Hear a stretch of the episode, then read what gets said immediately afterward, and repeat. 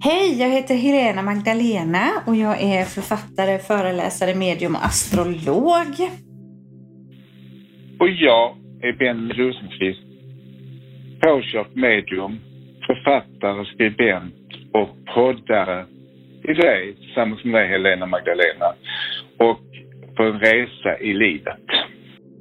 Precis, tänk vad häftigt att vi har blivit poddare.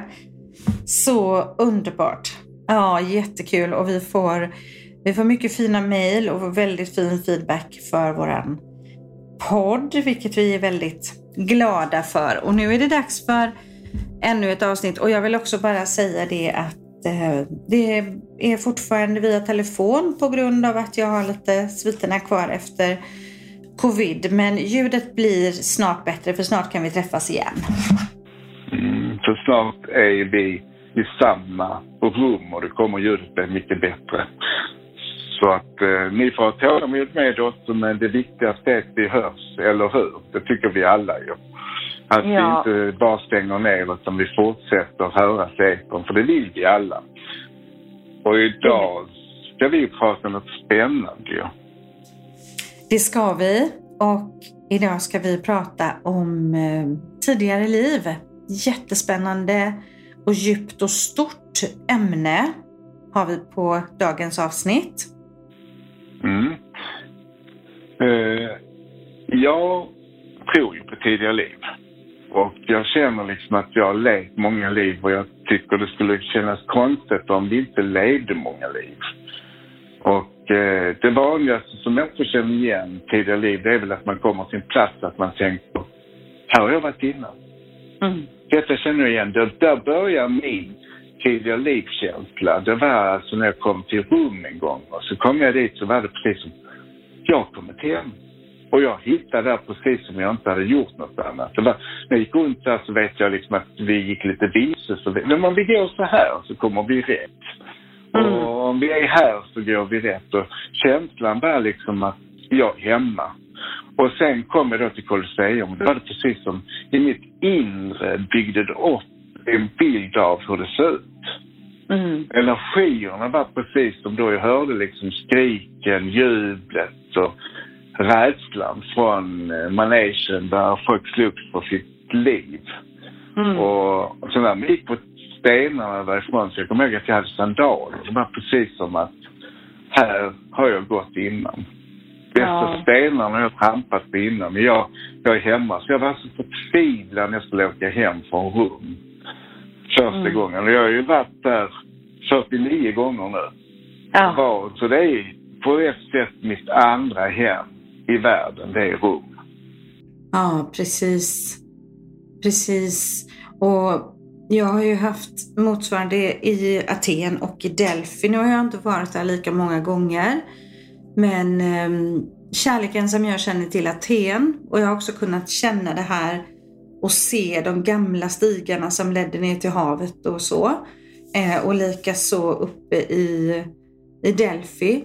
Att tona in liksom i de, de minnena som var ifrån det livet. Och det är väldigt häftigt när man kommer till platser och man plötsligt vet. Jag hade så också när jag var nio år, första gången jag var på Tjolöholms slott. Då hade jag också det här att jag kände igen och kunde beskriva. Och när jag var nio år såklart visste jag ingenting om tidigare liv. Men eh, fick ju fråga min mamma om vi hade varit där förut. Och det hade inte jag i detta livet. Mm. Vad spännande. Jag var i Paris också när jag var 21 på en förlovningsresa. Då visste jag var de hade giltinerat folk. Och när jag var i, eh, vad heter det nu, Loven. Så där känner jag som hemma och vad heter det som ligger utanför det är jag helt tappad i ord. Där eh, det var så vackert, spegelsalen och då kände jag precis som, jag visste vad personalen hade varit. Jag visste hur de dansade. Jag kunde se allting framför mig. Jag kände mig så hemma i mm. eh, detta vackra slott. Det kommer snart. Vi tar tillbaka sen, senare. Men Paris blev blandade känslor för mig. Det blev både liksom att jag kände där att rädslan. Jag kände det här med min nacke att jag hade blivit halshuggen i tidigare liv.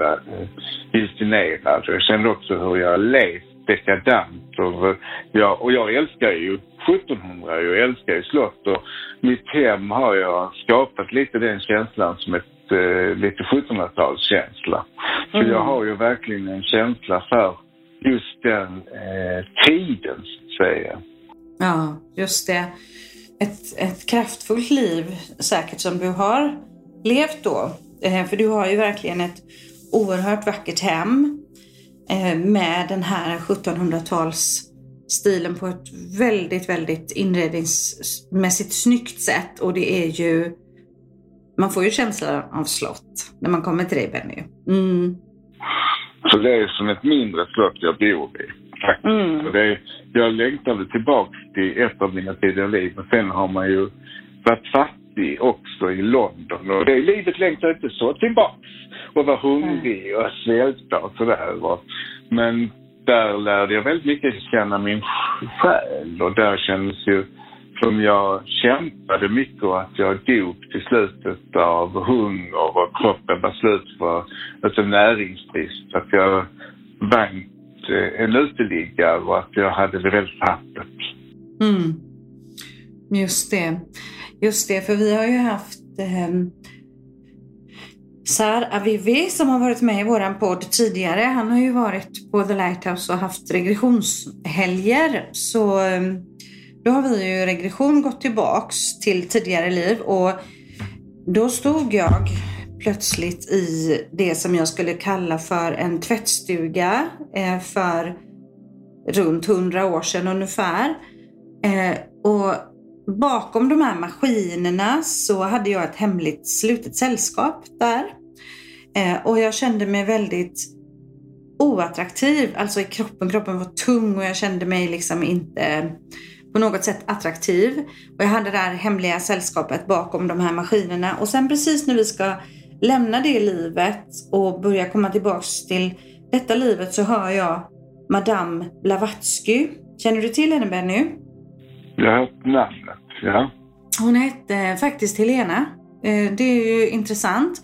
Jag kände inte till henne jättemycket då. Jag hade hört bara Madame Blavatsky i något, något sammanhang. Men jag läste lite grann om henne och hon reste liksom över världen. Och eh, hon var, hon var eh, väldigt medial, det förstod man och hade stora kunskaper och sådär. Men hon var också lite tvivelaktig. Hon var inte alltid sanningsenlig då, Madame Blavatsky. Och eh, när jag läste om hennes liv så kunde jag så kunde jag liksom känna, jag kan inte säga att jag har varit henne, men det är mycket möjligt, eller i alla fall i hennes sammanhang. Eh, och då fick jag liksom den här känslan av att ja, jag har haft mina sällskap även i detta livet, alla mina cirklar, eh, samlat människor, undervisat medialt och eh, jag har i detta livet varit väldigt, väldigt, väldigt noga med att allt ska vara väldigt sanningsenligt. Så kanske är det ett liv som jag lär mig nu att göra bättre i det. Och eh, jag har ju en kompis också som är Karin. Och Karin är ju som en syster för mig, stora syster. Och när hon kom till mig första gången så sa hon att vi har träffats innan i tidigare liv. Så hon är inne på detta också. Ja. Och jag hade träffat henne i, i ett koncentrationsläger. Eller jag kommer ihåg en bild av ett koncentrationsläger. Jag har varit i Auschwitz när jag var 15 år och där kände jag också samma som att men det var ju smärta och det var jobbigt och framförallt då inne i gaskammaren. När jag var där då var det precis som att jag dog en smula, alltså på riktigt. Det kändes mm. precis som att jag själsligt kunde inte andas. Jag kände det som jag kände och det förstod jag inte då som 15-åring. Det var det jag upplevde. Och eh, då eh, såg jag liksom blod, att de hängde upp kroppar efter som krikar på slakteri. Som människor som behandlade mm. kropparna så illa.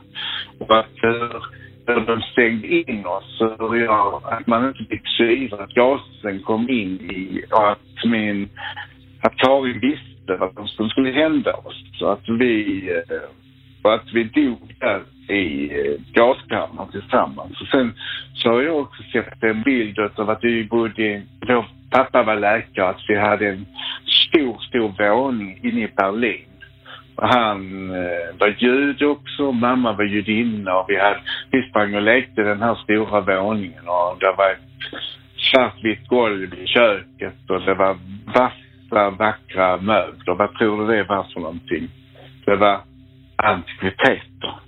Ja. Så att det det präglat mig i det livet också. Jag kommer ihåg att jag stod, jag har sett fingrarna när jag har en skänk som är i mahogny, 1700-tal och vacker med förgyllningar och sånt. Och den bilden har jag i mitt inre sen det livet. Och det är mm så magiskt. Och sen är det ju fantastiskt också när man själv börjar resa i sina tidigare liv, när man börjar meditera eller gå till någon som hypnotiserar en till tidigare liv. För det kan vi alla göra. Så vi kan ju via självsuggestioner att gå djupt in i meditation och få kontakt med våra tidigare liv och kan se vad vi har gjort och inte gjort i tidigare liv. Vad tror du att vi har levt ett liv tillsammans innan? Mm. Ja.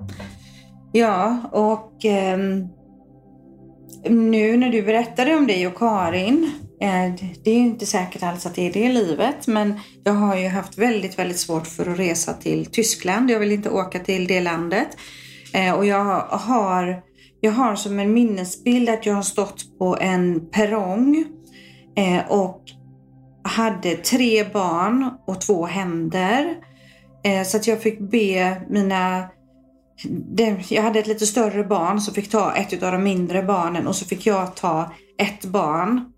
Och jag ser liksom bara den här perrongen och jag vet inte men jag har en känsla av att det var i Tyskland under den tiden senare, 1900, runt 1940-45. Jag vet inte riktigt, men bara som en minnesbild.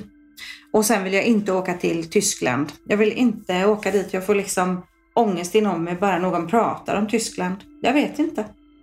Mm. Nej, jag har ju varit både i Berlin och tyckte det var fantastiskt att komma tillbaka.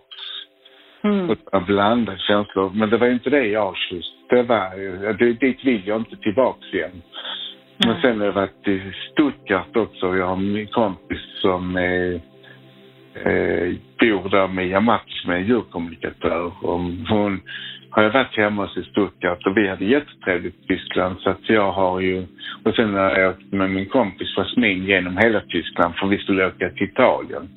Och vi stannade mm. till på ett jätteläskigt pensionat med nästan en Feinsteins, Frankensteins fru som ägde, hade det pensionatet. Vi rymde därifrån. Vi blev skräckslagna och kom därifrån. Mm. Så att jag blandade känslor av Tyskland men aldrig så att jag inte har känt, känt ångest. Men jag har känt att det har varit mycket och jag har känt och jag har ju en sympati med judiska folket och, mm.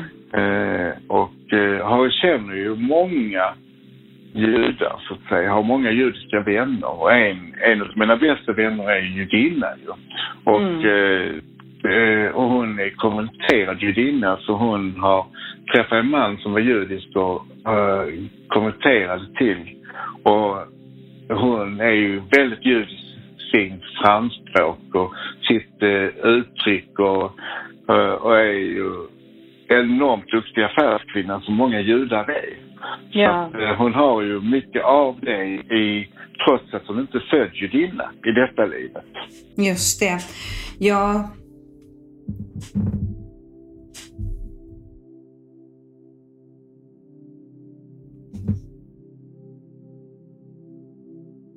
Mm, ja, precis. Och jag tänker, jag flyttade ju till Israel eh, när jag var 17 år och 11 månader. Så åkte vi, jag och min syster och två av våra vänner till Israel. Och eh, jag levde ju som judinna i familjen då där jag var au pair. Och där hade jag väldigt mycket starka känslor eh, av Israel och jag känner liksom att jag bär Israel eh, platsen. Nu heter det ju Israel men det har ju hetat många olika namn förut.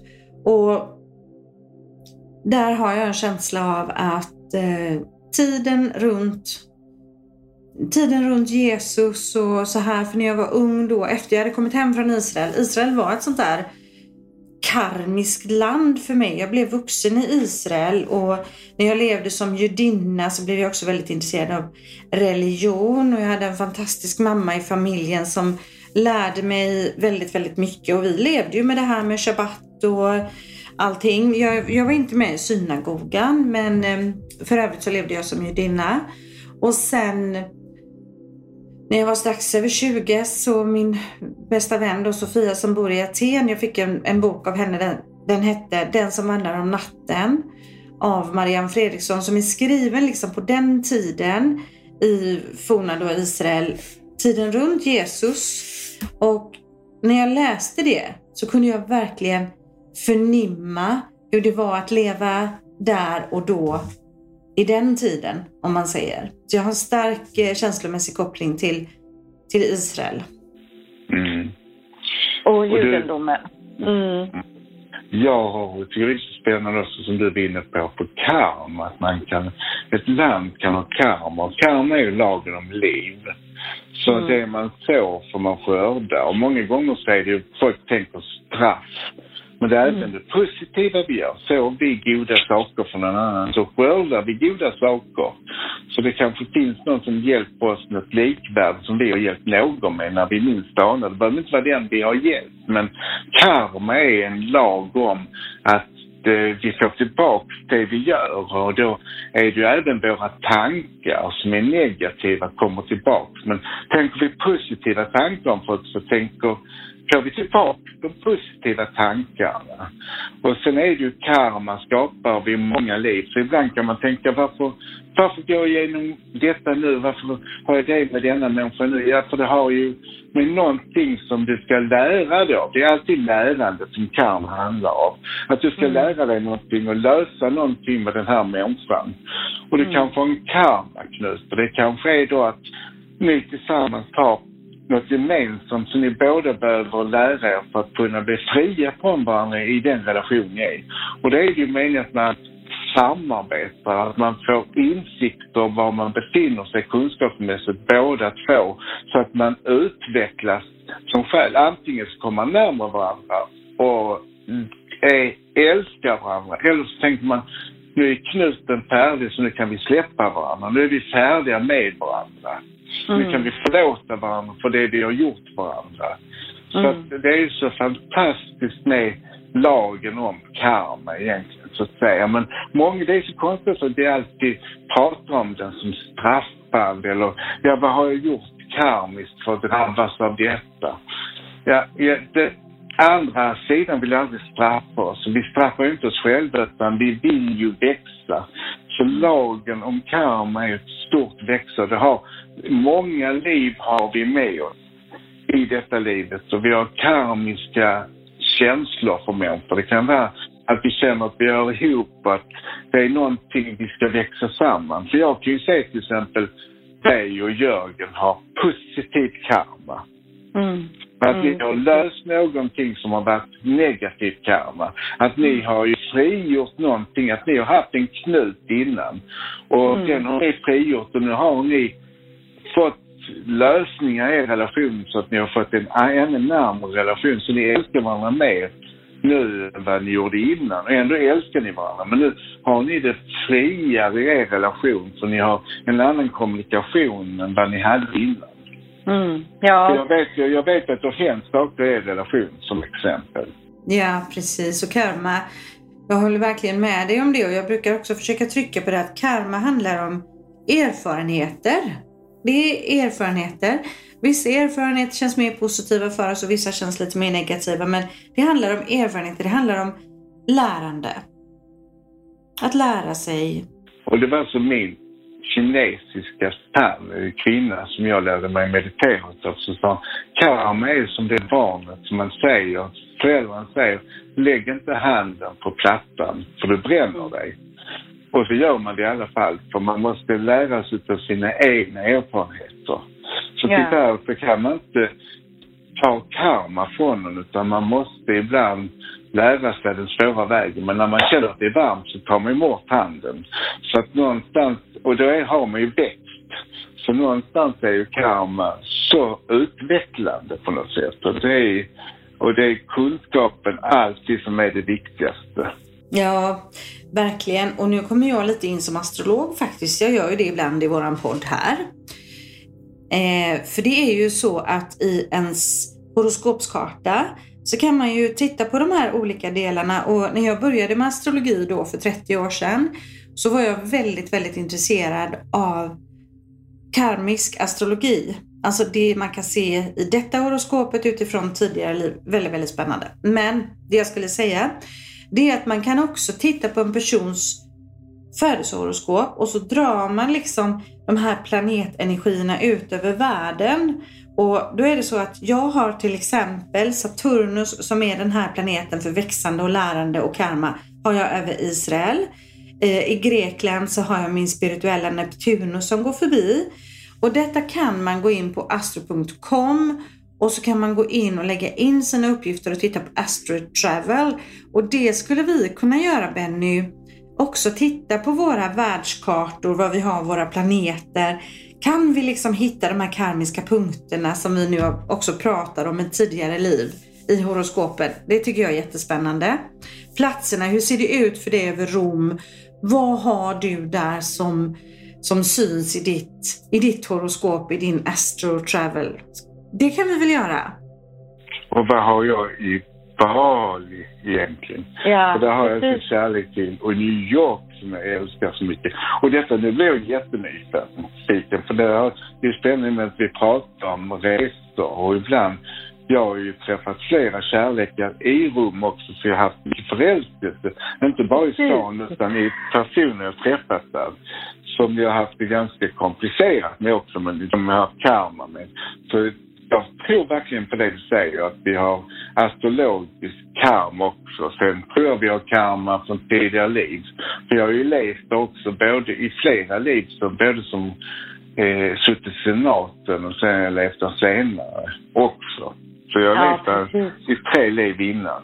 Och ja. jag var och jag älskar ju Rom och sen var jag i Venedig och där kände jag liksom tvärtom att det hade hänt negativa saker. Det vill jag inte in på nu men där var faktiskt, där var jag med den personen jag hade karma som var jobbigt. Och vi bråkar aldrig, men vi har aldrig bråkat så mycket som den veckan vi var i Venedig. Och Nej, han hade dömt mig på ett mord som jag inte hade gjort. Så jag vet inte, så han. Jag lovar, jag kommer inte ihåg någonting. Straffa mig inte för någonting som jag gjorde för flera liv sedan. Och jag vet inte varför jag dömde dig. Och jag blev utkastad och hängd för något mord som jag inte gjort i vattnet bara. Jag fick ingen riktig begravning, sa jag till honom. Och, jag, och det var mm. saker som hände och han höll på faktiskt bli dödad av en vit skorpion som vi fick med oss hem ute på en handduk. För det är ju fartyg från Afrika, så där på stranden så har det varit en vit skorpion och de är ju dödligt giftiga.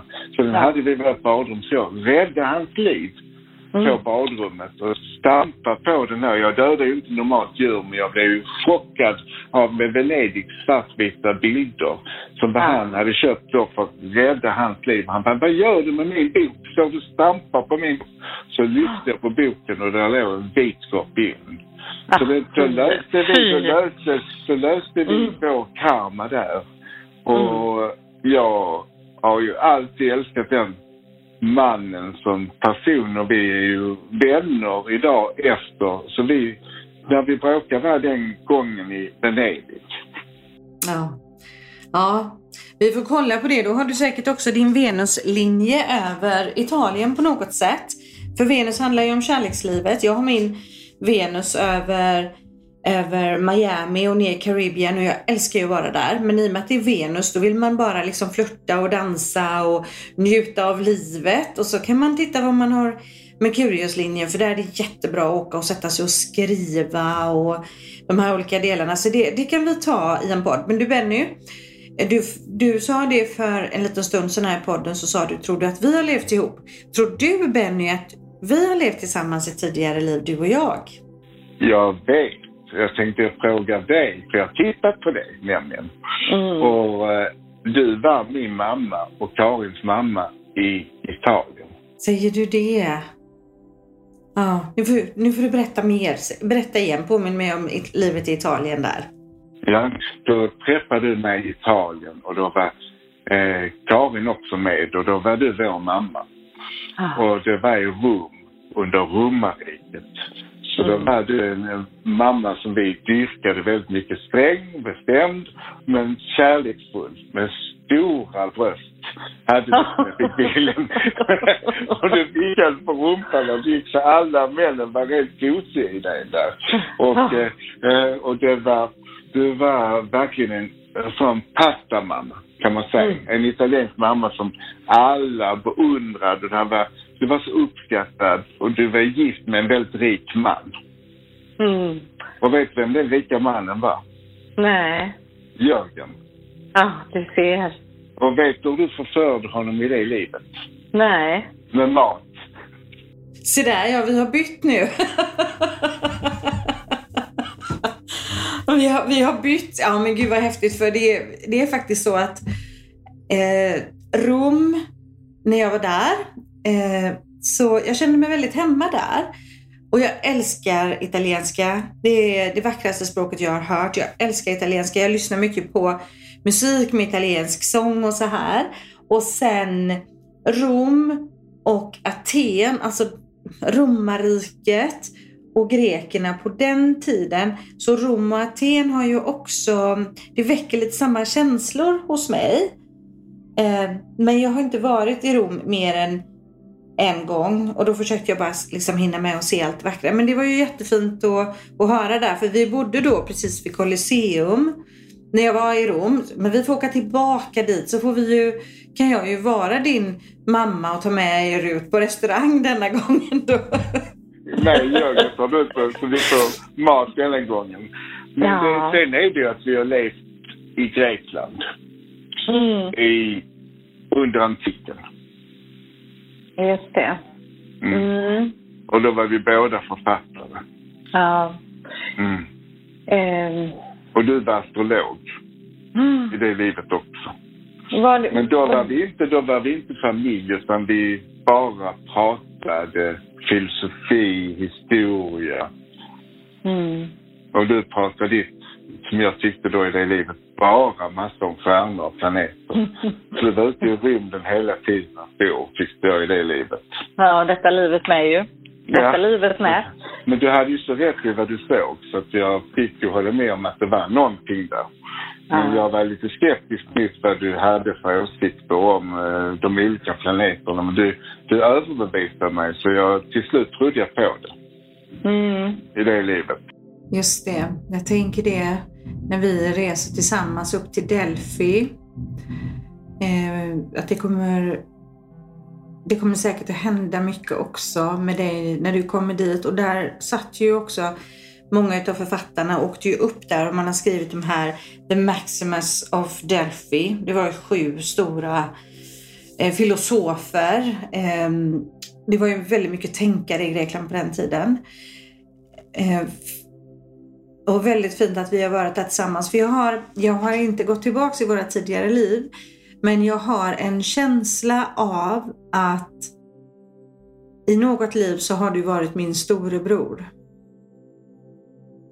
Mm. Eh, för jag känner den här nu har jag ju ingen storebror, men jag kan liksom känna det som att du är min storebror. Alltså du, du är min storebror i detta livet och det känns som att du blev det väldigt snabbt när vi, när vi träffades.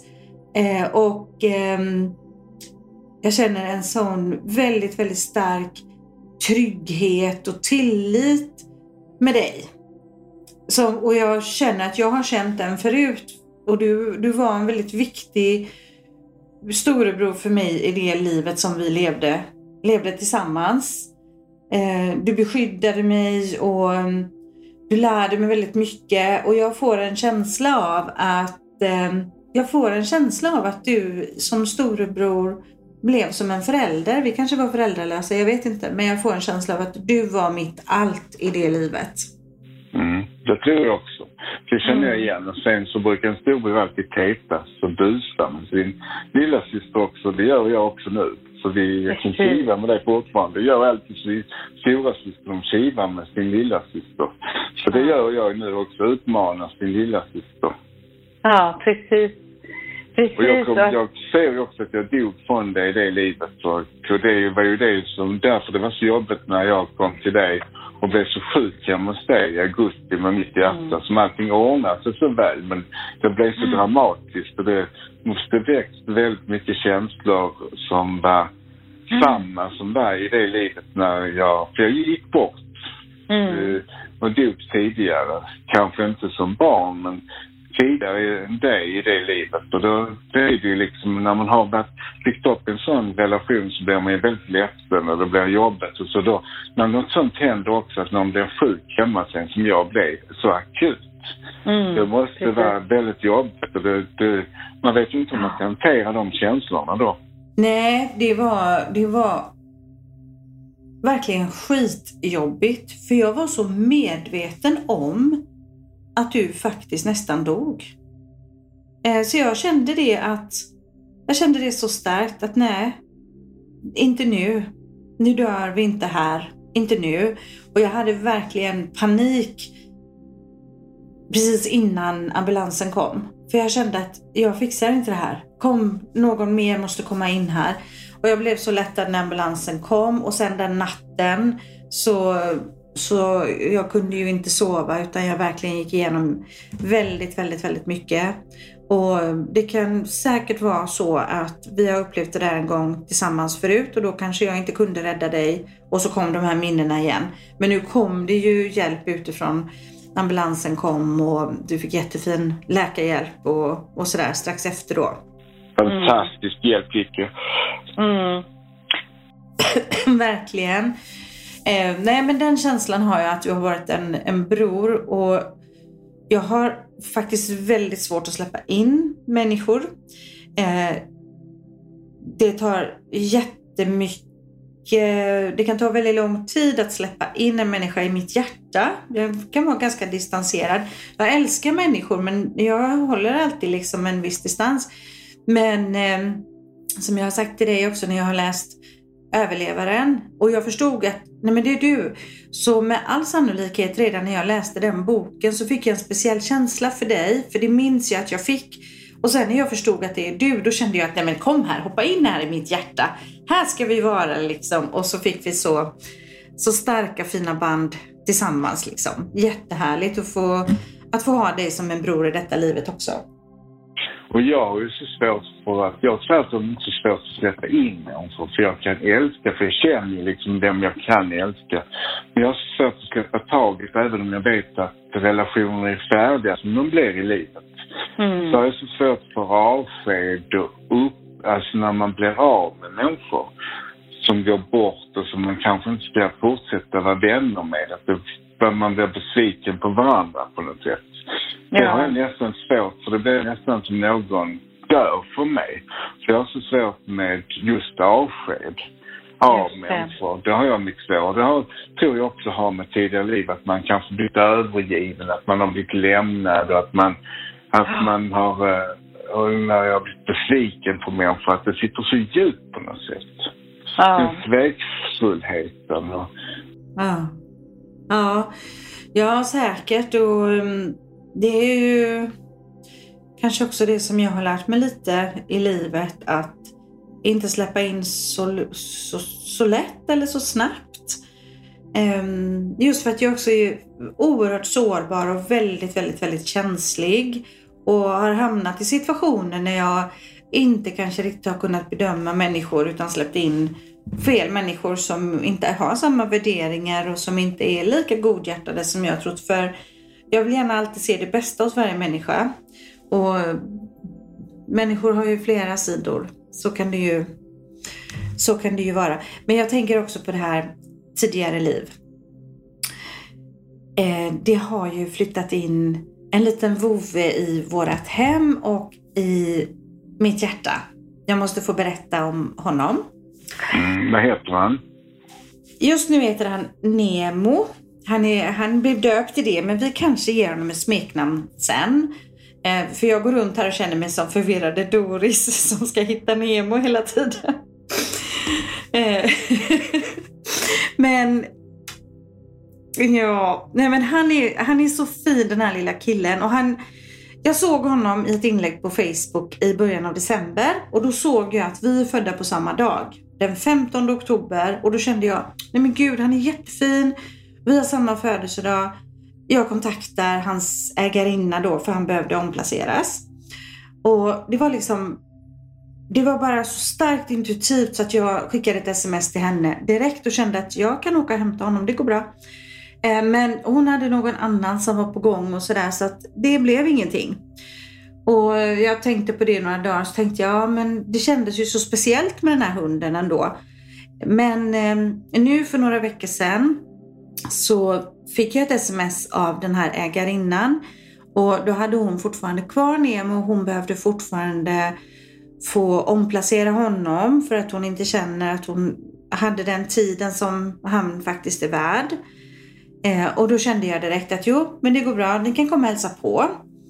Och han kom in här och alltså jag bara älskar denna hund. Alltså jag bara älskar honom så mycket. Och så satt vi, jag och Jörgen satt på kvällen sen och pratade om hundar, för jag har nästan alltid haft hundar och eh, uppväxt med hund och sådär. Och då har vi liksom i familjen haft en väldigt, väldigt speciell hund som heter Chippo som Ja, han fanns liksom med under barnens uppväxt och sådär. Jag adopterade honom när han var fyra fem år. Han hade fart väldigt illa. Ehm, bott hos någon som inte alls tog hand om honom väl och sådär. Men han bodde hos oss. Och så satt vi där på kvällen och då slog det mig och då blev jag sådär, men gud, för då var det så att Chippo dog på min födelsedag åtta år innan Nemo föddes på min födelsedag. Men vad häftigt. Ja, visst är det fint. Ja. Ja, jag fick bara den känslan att Chippo har hittat hem. Och Nemo är ju en liten hund. Han är Pomerian och papillonblandning. Men han har samma päls som våran Chippo som var en stor blandras. Han har samma färg som dina hundar. Ljus och beige. Han är jättefin. Eh, och sen så har han vissa vanor som Chippo hade. Så vi kan liksom känna igen och jag kan träna honom på samma sätt som jag tränade med Chippo. Eh, så det känns som att våran älskade hund har kommit tillbaks igen lite mindre kärleksfull förpackning nu. Åh, vad fint. Mm. Nu har han också kommit tillbaka. Så nu så kan vi då så måste, nu är nyfiken så då måste vi ha djurkommunikation med honom så vi kan berätta vad han har haft och han har haft innan. Så nu ja. måste vi ha ett, eh, ett program med om hundar och djurkommunikation också. Det kan vi göra sen när vi träffas. Det får vi absolut göra och jag har kommunicerat med honom. Du ska få prata med honom sen men han ska få träffa dina älskade vovar också. Eh, men jag har hållit honom väldigt nära mitt hjärta och så har jag bara känt att jag har liksom kunnat sända till honom, jag älskar dig och så lutar han sig emot mig och så känner jag att kärleken är tillbaka. Men jag har inte pratat så mycket med honom ännu för han är väldigt stressad av den här förändringen att ha flyttat och sådär. Mm. Men det kommer ja. gå bra. Mm. Ja, vi gör framsteg varje dag. Han, han är bara ett år och några månader. Ja, men så kan det också vara. Tidigare liv, människa, människa, djur, djur. Mm. Att man kan komma tillbaka och mötas igen. Och djuren kommer tillbaka fortare än vad vi gör. Så man, samma hund kan komma tillbaka flera gånger under ens liv. Men vi känner igen dem för de har samma beteende, kanske samma rädsla för samma saker som de hade när de levde förra gången. Mm. Men trots allt så älskar Har vi bara skött oss som hussar och mattar så vill de ju komma tillbaks. Ja. Så lever vi gång på gång och i många liv tillsammans. Hästar, hundar, katter. De kommer tillbaka till oss. Mm. Så att, um, ja, det är, så det är så vackert, det är så vackert i sig själv. Så uh, nu vi avsluta den här sessionen med tidigare liv. Så nu får du börja meditera själv där hemma. Och jag önskar dig trevliga inre tidigare livresor i ditt, din själ. Så nu får du resa din själ och göra en upptäcktsfärd om vad du har varit och vad du har levt och vem du har levt med innan. Mm. trevlig resa.